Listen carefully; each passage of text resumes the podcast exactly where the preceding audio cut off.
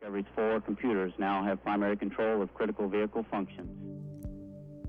Du lytter til Ida Space Talks, en podcast om rummet over os, om hvordan universet har haft indflydelse på vores selvforståelse og vil præge vores fremtid. Ida Space Talks er udgivet af Ida, fagforening for teknologi, IT og naturvidenskab, i samarbejde med det faglige netværk Ida Space. Mit navn er Tino Tønnesen, og det er mig, der er vært på Ida Space Talks.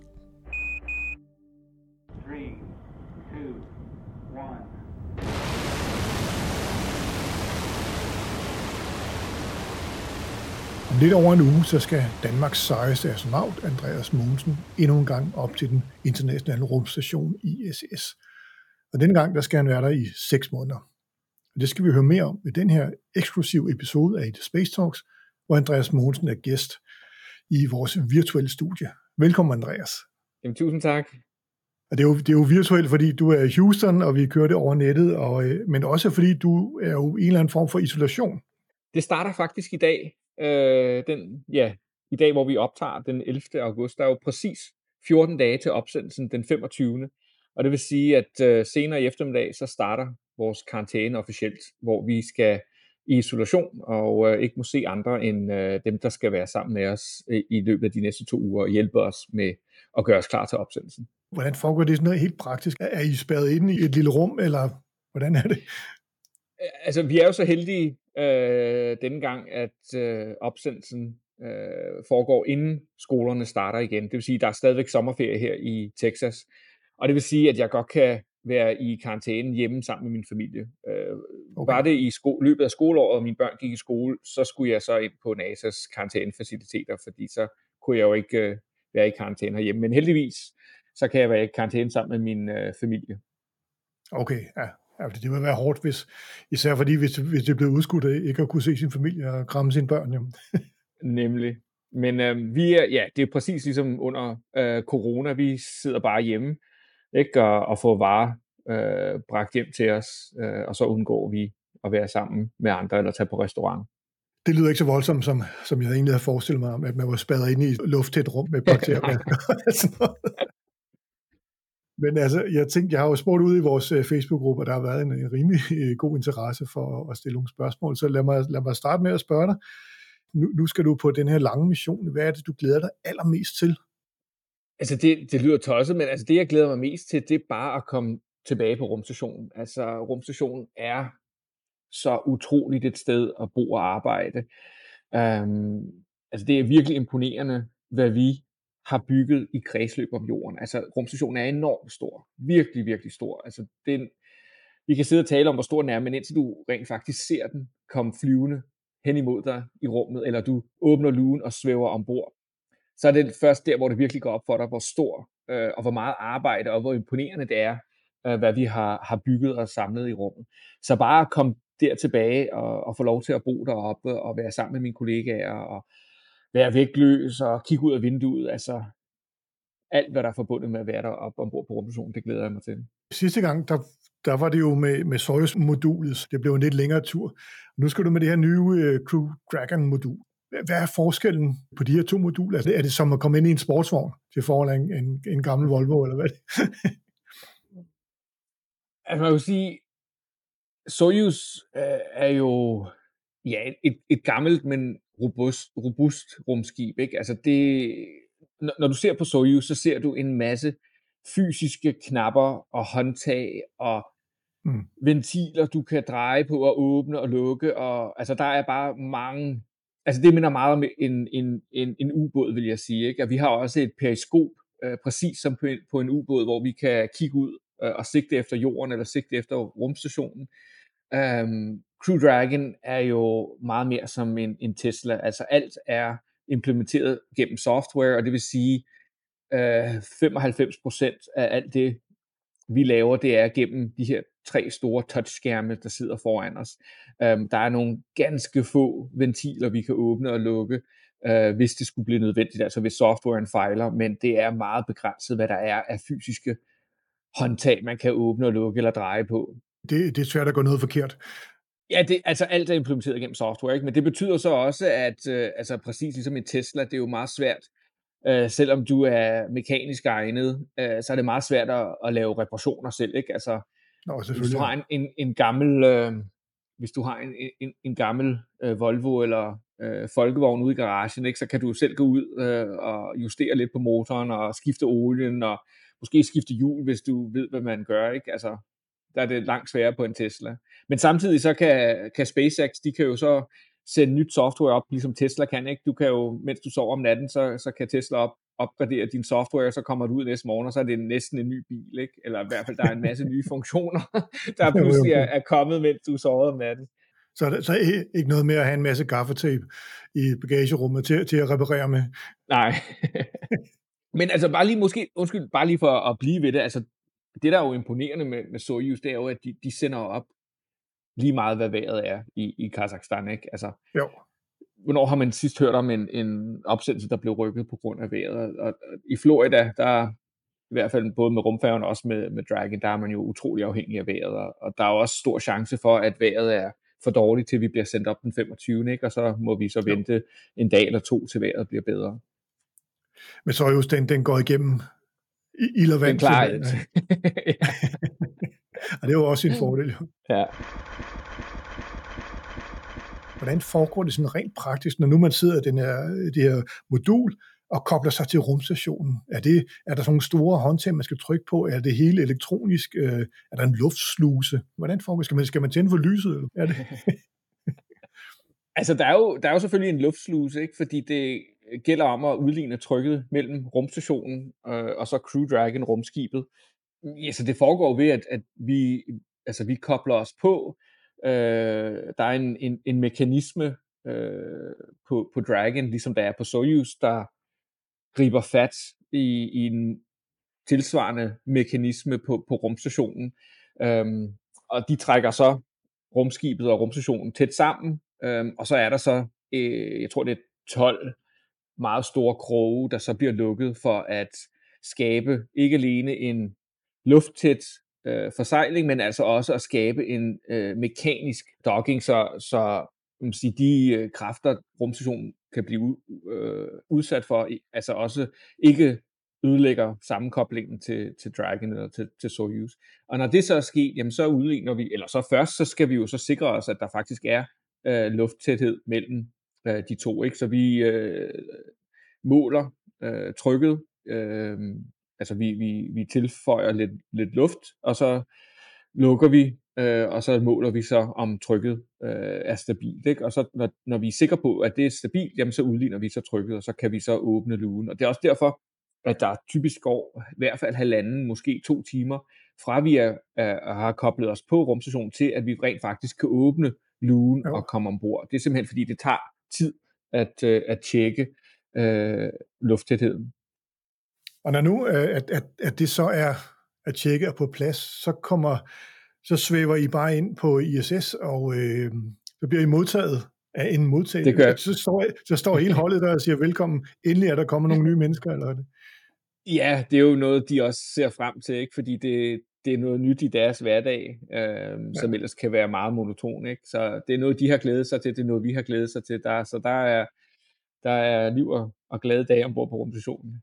Vi har jo hørt masser af anekdoter om astronauter, der har haft hemmelige ting med op øh, på rumstationen. Hvor har du nogle overraskelser med det? Nej, det har jeg ikke. Altså, jeg har selvfølgelig øh, altså nogle private ting med øh, jo, jo. I, min, i min taske, som vi må, men øh, det er meget svært at snige noget op på rumstationen. Alt bliver tjekket, øh, både af NASA og SpaceX, fordi de skal sikre sig, at, øh, at der ikke kommer noget brandfarligt med, eller øh, andre ting, der er skadelige. Øh, Dragon er også meget, meget afhængig af, øh, hvor tyngdepunktet ligger. Derfor så skal alt, altså det, det, SpaceX har brug for at vide præcis, hvad, hvad, alt, hvor, hvad alting er, og hvor meget det vejer, så de kan udregne præcis, hvor tyngdepunktet i kapslen er. Øh, og det er især vigtigt, når man skal øh, lande. Så, så det svarer nogen til at gå igennem sikkerhedstjek og 12 i, i lufthavnen. Ja, der, ja. der skal være styr på det. den her lederrolle nu af commander af Commander of ISS, det er jo nok noget af den sejeste LinkedIn-opdatering, man kan lave, udover selvfølgelig også astronaut. Hvad ligger der i det sådan rent praktisk? Hvordan styrer man, hvordan leder man en rumstation?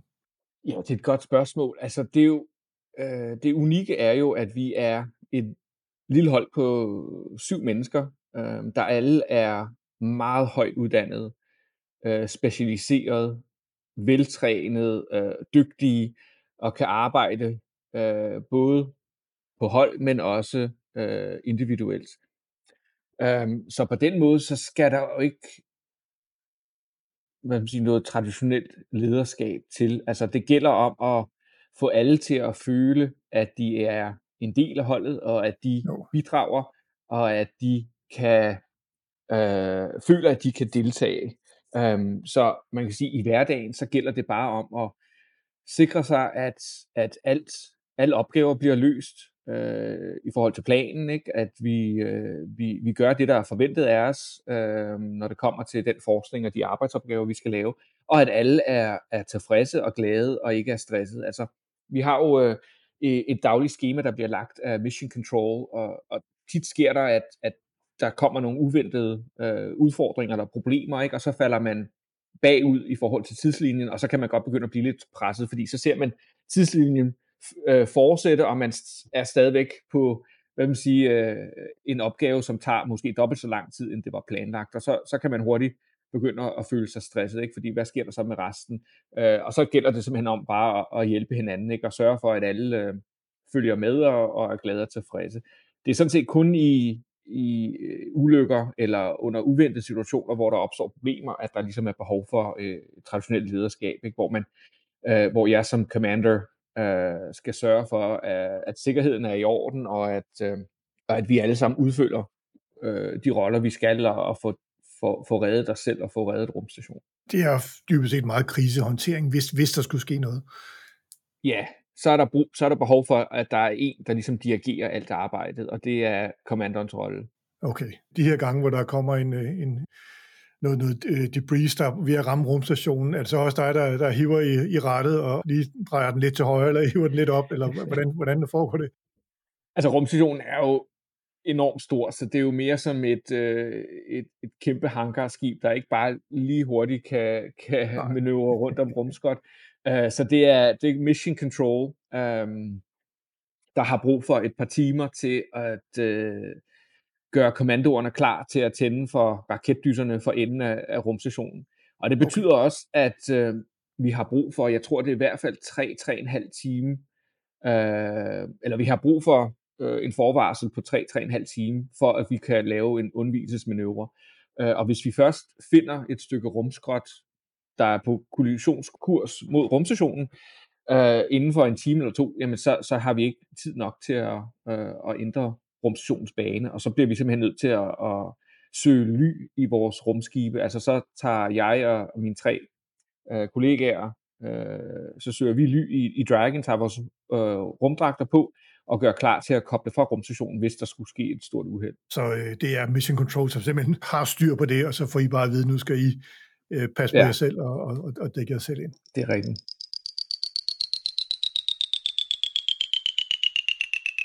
Blandt de spørgsmål, jeg har fået, der er der også været omkring det her projekt omkring mikroorganismer. ISS External Microorganisms, hvor du skal, jeg ved ikke om det er dig, der gør det, men, men I skal samle øh, mikroorganismer ind. Øh, kan du, kan du uddybe det lidt? Ja, altså i, ifølge planen, så kommer der to rumvandringer i løbet af, af oktober.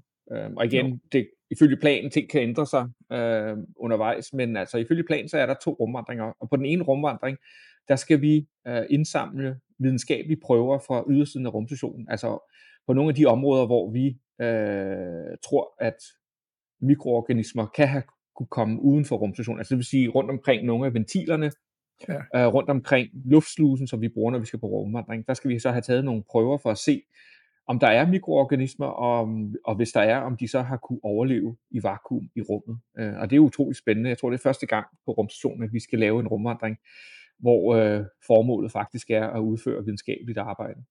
Og hvem er det, der skal, skal ud og lave en rumvandring? Er det også dig? altså, vi er, er tre, der er kvalificeret til at gå ja. på rumvandring, øhm, og der kommer forhåbentlig to rumvandringer, så det betyder, at øh, alle tre også får mulighed for at komme ud på rumvandring. Nu er du chefen deroppe jo, så kan du må tro, desværre, desværre er det ikke mig, der får lov til at bestemme det. Det er igen øh, NASA, og især NASA's astronautkontor, der bestemmer, hvem der kommer på rumvandring. Men jeg vil sige, der, der, er, en, der er en god mulighed. Det lyder godt. Hvordan er det med, med, øh, med, med mikroorganismer og bakterier øh, indvendigt på, på rumstationen? Fordi det er jo noget, det er noget som, man, som vi alle sammen har på os, og jeg, og jeg går ud fra, som, som astronaut, så man jo noget med op. Hvordan er det øh, indvendigt på rumstationen? Jamen altså selvfølgelig ligesom øh, her på jorden øh, i vores øh, hus, hvis du ikke gør rent, så, så samler der sig mikroorganismer, øh, svamp og så videre, ikke, der kan øh, vokse og formere sig. Det samme på, på rumstationen. Øh, derfor bruger vi også hver lørdag på at gøre rent. Øh, det vil sige, at vi støvsuger især alle luftfiltrene. Øh, altså støv Aha. og krummer og alt sådan noget, de falder jo ikke ned på jorden. Det er jo Nej. vægtløst, ligesom alt andet på rumstationen. Det vil sige, at det bevæger sig med luftstrømmen, og på et eller andet tidspunkt, så bliver det suget hen til luftfiltrene. Øh, så vi skal støvsuge alle luftfiltre hver weekend, ikke? og så samtidig så tørrer vi alle overflader af, eller i hvert fald de op, overflader, vi ofte kommer i berøring med. Og det er jo netop for at undgå, at der begynder at vokse sig kolonier af bakterier eller mikroorganismer eller svampe. Der har været der. Selvom vi ikke har et bad, så, så bruger vi jo for eksempel håndklæder til at øh, ligesom tørre os selv af med, eller prøve at, at tage sådan en trucker wash. Um, og der var før i tiden øh, et sted på rumstationen, et af de russiske moduler, hvor der var sådan noget stof på væggene. Jeg ved ikke, om formålet var for at gøre rumstationen lidt mere hyggeligt. Men øh, det var et af de steder, hvor de hang håndklæderne til tørre, øh, og det vil sige, at der begyndte så at vokse svamp. Um, og det var så en, en, en eller anden form for rumsvamp, som var meget, meget svær at skille sig af med. Vi prøvede at bruge alle mulige forskellige kemikalier, og til sidst måtte vi simpelthen bare smide hele panelet øh, ud, fordi det var umuligt at, at, at komme den her svamp til live. Okay. Så jo, det er noget, vi er, er meget opmærksom på, og der bliver også taget, taget, undskyld, der bliver taget øh, luftprøver regelmæssigt, som vi så sender til jorden, og hvor de så bliver analyseret øh, i laboratorier, netop for at se, om der skulle være mikroorganismer eller svamp i luften. Kunne man forestille sig, at det vil mutere under de her ekstreme forhold, som der er oppe på, på rumstationen? Ikke? Øh, og, jo. og vil det så kunne få af konsekvenser, hvis det blev bragt med hjem? Nemlig.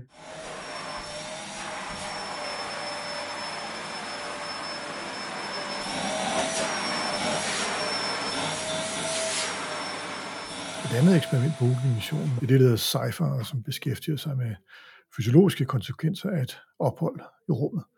Det er der også kommet et spørgsmål til fra Ida Space-medlemmerne. Kan du uddybe eksperimentet lidt? Ja, altså nu skal jeg ikke selv deltage i det, der hedder Cypher, øh, simpelthen fordi det passede ikke ind sammen med alle de andre eksperimenter, jeg skal lave. Øh, men jeg skal deltage i, i noget tilsvarende, der hedder Standard Measures. Standard Measures, det var der NASA's øh, hvad man siger, tidligere øh, Øh, fysiologiske studie. Cypher er nu så en, en overbygning af det, så det vil sige, Standard Measures indgår i Cypher. Øhm, og der handler det simpelthen om at, at opsamle så meget data om vores fysiologiske tilstand som muligt. Altså det vil sige, at, at vi får taget alle mulige prøver før missionen, under missionen og efter missionen. Øh, og det bliver så opbevaret. Det vil sige, at øh, forskere i fremtiden, hvis de pludselig kommer øh, på en idé og gerne vil have uh, et stort nok datasæt, så kan de gå tilbage og kigge på noget af det data, der blev uh, uh, opsamlet uh, i de her år uh, og på de her missioner. Og det er jo netop for at forstå, hvilke fysiologiske ændringer, der sker med vores kroppe, når vi er i rummet i længere tid ad gangen. Netop for, at vi kan i første omgang vende tilbage til månen, men så efterfølgende at rejse videre til Mars. Nu er du jo i god form, men hvad gør seks måneder på ISS-V1? Jamen, der sker jo rigtig meget øh, ved kroppen, når man er øh, i rummet og er vægtløs. Altså først og fremmest, vægtløsheden i sig selv gør jo, at øh, man mister muskelmasse og knoglemasse. Øh, simpelthen fordi man ikke bruger øh, sin krop. Altså man, man hænger jo bare der i luften, og, og det kræver absolut ingen energi eller ingen muskler.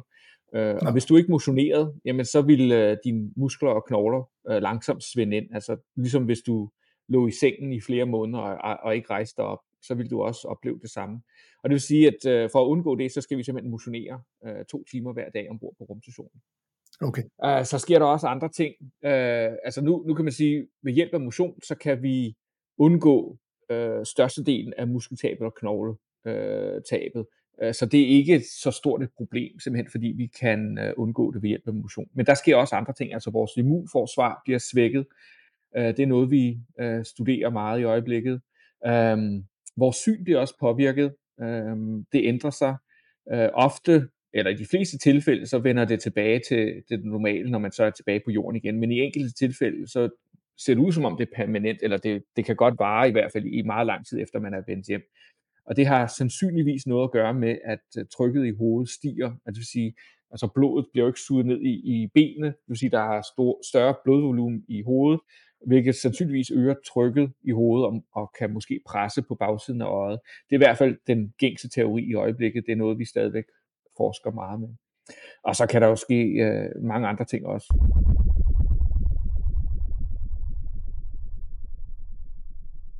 Jeg tænkte også, øh, I er også i isolation jo. Hvordan påvirker det jer? Eller påvirker det jer overhovedet?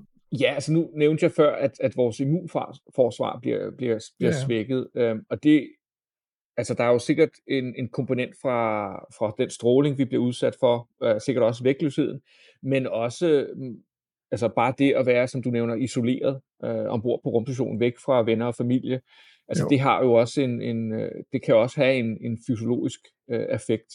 Øhm, Selvfølgelig.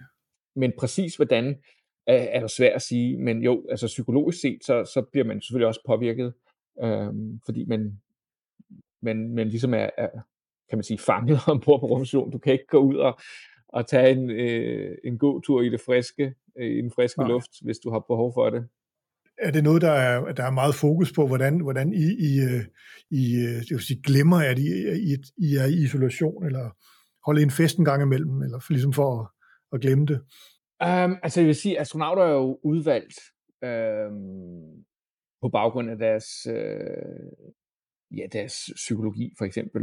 Um, og det er jo noget, vi har arbejdet i mange, mange år hen imod, så det er jo, altså, det er jo ikke den, den store udfordring, men jo, der er fokus på det, altså, fordi man, man ved aldrig helt, hvordan man kommer til at reagere. Um, der kan jo også sagtens ske uheld på jorden, ikke? Øh, Selvfølgelig, ja.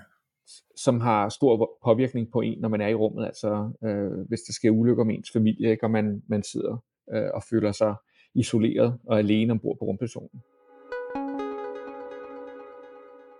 Når nu, når nu man øh, er på ISS og kredser omkring jorden, hvad det er 16 gange i, i døgnet, øh, gør det noget ved ens øh, tidsopfattelse? Jamen, det har stor betydning for ens tidsopfattelse, det er helt sikkert, øh, fordi der er jo ikke nogen normal, normal dag- og natrytme. Øh, så for at, at forsøge at have så normal en, en dag-natrytme som muligt, så, så bruger vi Greenwich Mean Time, ikke? og så forsøger vi at stå op hver dag på samme tid og gå i seng hver dag på samme tid. Det er simpelthen den eneste måde. Men jo, der er mange, der sover dårligt og har, har brug for sovemedicin ombord på rumstationen. Det gør man simpelthen for, for, for at kunne opretholde et døgn. Ja, fordi det, altså, kredsløbet øh, ændrer sig jo også, så der er jo faktisk nogle gange, hvor øh, kredsløbsbanen ikke er vinkelret mod, mod solen, eller er vinkelret mod solen. Så det vil sige, at du er konstant i sollys. Ikke? Så flyver du over det, vi kalder terminatoren, altså øh, dag-nat skillelinjen på jorden. Ikke? Så den ene side af rumstationen er konstant oplyst, og den anden side af rumstationen er konstant i mørke. Så kan man tage hen i mørkesiden og sove, hvis, det, hvis man har problemer med det. Nej. Ja, jeg går ud fra, at I har, I har vel øh, sovebriller på. Og... Ja, altså de, de fleste moduler har jo ikke vinduer. Um, så nej, på den måde, så, så, har du, så ser du heller ikke uh, solen stå op eller gå ned, medmindre du specifikt går hen og kigger ud af vinduet. Men øh, nu skal du også arbejde øh, med søvn jo, som en af de her 10 danske eksperimenter. Hvordan, hvordan, hvordan påvirker et øh, ophold det op øh, drømme og, og, og tanker og sådan noget? Det ved jeg simpelthen ikke. Min sidste mission i 2015, den var så fyldt med aktiviteter, og dagene var så lange, at øh, altså jeg sov 5-6 timer om natten, og det vil sige, så snart jeg lagde mig til at sove, så, så faldt jeg i søvn. Øhm, ja. Og så sov jeg bare, øhm, og efter 10 dage var jeg fuldstændig udmattet. Så altså, min oplevelse sidst kan sikkert ikke sammenlignes med, øh, med, med oplevelsen denne gang, men øh, det bliver spændende at finde ud af, om hvordan jeg kommer til at sove, øh, fordi jeg kan, vil ikke kunne arbejde øh, på samme måde i løb over 6 måneder, som jeg kunne øh, på sidste mission, der jo kun var 10 dage. Lidt i forlængelse af det også. Så der er en, der har spurgt øh, til, øh, når nu man som astronaut er oppe på ISS i så lang tid, hvordan ender det opfattelsen af, af os som mennesker og øh, vores øh, opfattelse af jorden? Altså, det der er, det der er interessant, det er, at når du flyver over dagsiden af jorden, så ser du ikke tegn på mennesker. Altså, du kan ikke se øh, byer, veje, broer, øh, bygninger. Øh, og du kan heller ikke se landegrænser. Øh, så du, du ser ikke lande, men du ser kontinenter, ikke? og så ser du hele jorden. Øh, så på den måde, så får man en oplevelse af, at, at, at jorden er en helhed. Ikke? Altså det er en, en planet, øh, vi alle sammen deler med hinanden. Og det, at vi har skåret de her øh, lande ud, det, det er sådan lidt øh, menneskeskabt, noget unaturligt noget. Øh, der er ingen nogen geografisk grund nødvendigvis altid til, hvorfor en, øh, en landegrænse går, hvor den går. Ikke? Og, og man får en, en fornemmelse af, at, at vi alle bare er mennesker øh, på den samme planet. Og at hvis vi kunne lære at samarbejde lidt bedre og bo fredeligt side om side med hinanden, så ville mange af vores øh, problemer øh, forsvinde. Så har jeg et, et, et, et spørgsmål her fra, fra Maries datter, står der. Øhm, når, når nu man kommer tilbage fra sådan en lang øh, ekspedition, er det så noget, der, der, er, der er svært? Er der noget, du skal genomtræne og genlære? Selvfølgelig, der er noget med muskler, men, men er, der, er der noget, som er, som er svært, når man kommer tilbage? Ja, altså vores balancesans er jo sat ud af kraft, mens vi er øh, i rummet. Altså balancesansen, den øh, opstår jo i, i det indre øre eller mellemøret, øh, hvor man har nogle meget fine øh, hårlignende strukturer, øh, hvor jo. der sidder sådan noget, øh, nærmest nogle små sten eller vægte på, ikke? Og, og når du så bevæger dit hoved fra den ene side til den anden side, så kan de fine hår mærke øh, tyngdekraften, eller retning af tyngdekraften, og det er det, det, det, det, det, det, der giver dig balancesansen. Den fungerer ikke, øh, når man er vægtløs i rummet. Og det vil sige, Nej. at øh, efter seks måneder, øh, når man er tilbage på, på jorden, så skal man ligesom lære, hvordan balancesansen virker igen. Øhm, og der har jeg set nogle rigtig interessante videoer af astronauter øh, i løbet af de første par dage, der i et, i et forsøg forsøger at gå i en lige linje med lukkede øjne. Og det kan man slet ikke. Altså, ja. man tager et skridt eller to, og så falder man simpelthen bare, fordi balancesansen fungerer slet ikke. Så der, der er sådan nogle ting, som man lige skal genlære igen, eller kroppen skal lære igen. Selvfølgelig, og med øjnene, øjnene hjælper også på at holde balancen, ikke? så det er ikke ja. det store problem, når man, øh, øh, altså så længe du ikke lukker øjnene og forsøger at gå med lukkede øjne. Men øh, vi må heller ikke køre i bil i, i de første, første dage, første par uger, øh, også fordi øh, det at dreje om hjørner med en bil øh, i fart, kan også øh, gøre os svimmel, øh, netop fordi at balancesansen lige skal vende sig øh, til det igen. Så der går også øh, en, en periode, hvor vi ikke må køre i bil. Jeg har jo en del af ved, astronomer og astrofysikere i, i, i vores netværk her, og øh, jeg ved, de er meget øh, opsat på de her spørgsmål. Er der på astronautskolen, er der sådan noget øh, astronomi eller kosmologi i, øh, i arbejdet som, med at være astronaut? Altså, det kommer an på, hvad du tænker på. Altså selvfølgelig så, så får vi øh, en introduktion til astronomi på samme måde, som vi får en introduktion til, til mange af de andre øh, naturvidenskabelige fag, ikke, som vi skal udføre forsøg i. Um, Peter her, han siger, ved øh, Andreas, hvordan en parsec er defineret, og hvordan en galakse dannes, og hvor stor det observerbare univers er. altså, alt det, ja, altså, ja, det, det, er så, det er så mere, mere øh, man kan sige, på baggrund af min egen interesse. Altså jeg jo. er, er fascineret af naturvidenskab og læser masser af, af, af naturvidenskabelige bøger øh, af egen interesse, så det er nok øh, forskelligt fra astronaut til astronaut, afhængig af hvor, hvor interesseret de er i, i de her ting. Men ja. nej, vi har ikke, øh, altså som astronaut kan man sige, vi har ikke desværre ikke behov for at vide, hvor, hvor stor en parsec er i øjeblikket.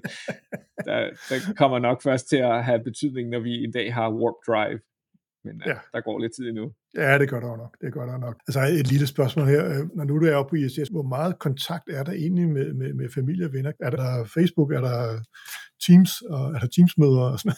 Altså, vi har en øh, vi har IP-telefoni på, på vores computer, øh, så Ja. vi, kan, vi kan ringe hjem hver dag. Altså, hvis vi lige har 5-10 minutter, ikke, og lige vil ringe Jo. hjem, så, så kan vi sagtens gøre det.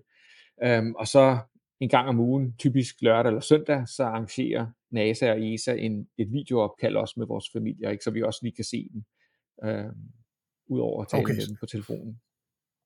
Så det er ikke sådan, at hvis jeg lige logger på Facebook, så kan jeg fange dig på ISS. Det ikke foregår ikke på den måde. Nej, altså, øhm, nej, desværre, sådan, sådan er det ikke.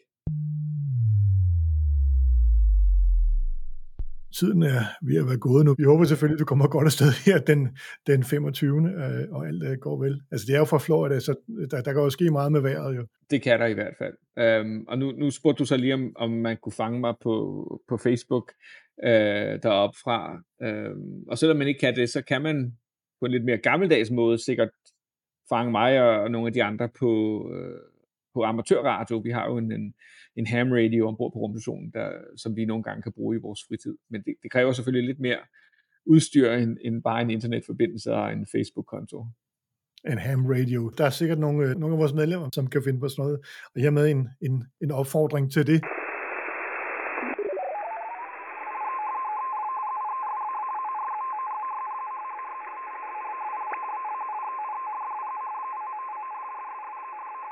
Der står i teksten til podcasten, så har vi også en lille konkurrence.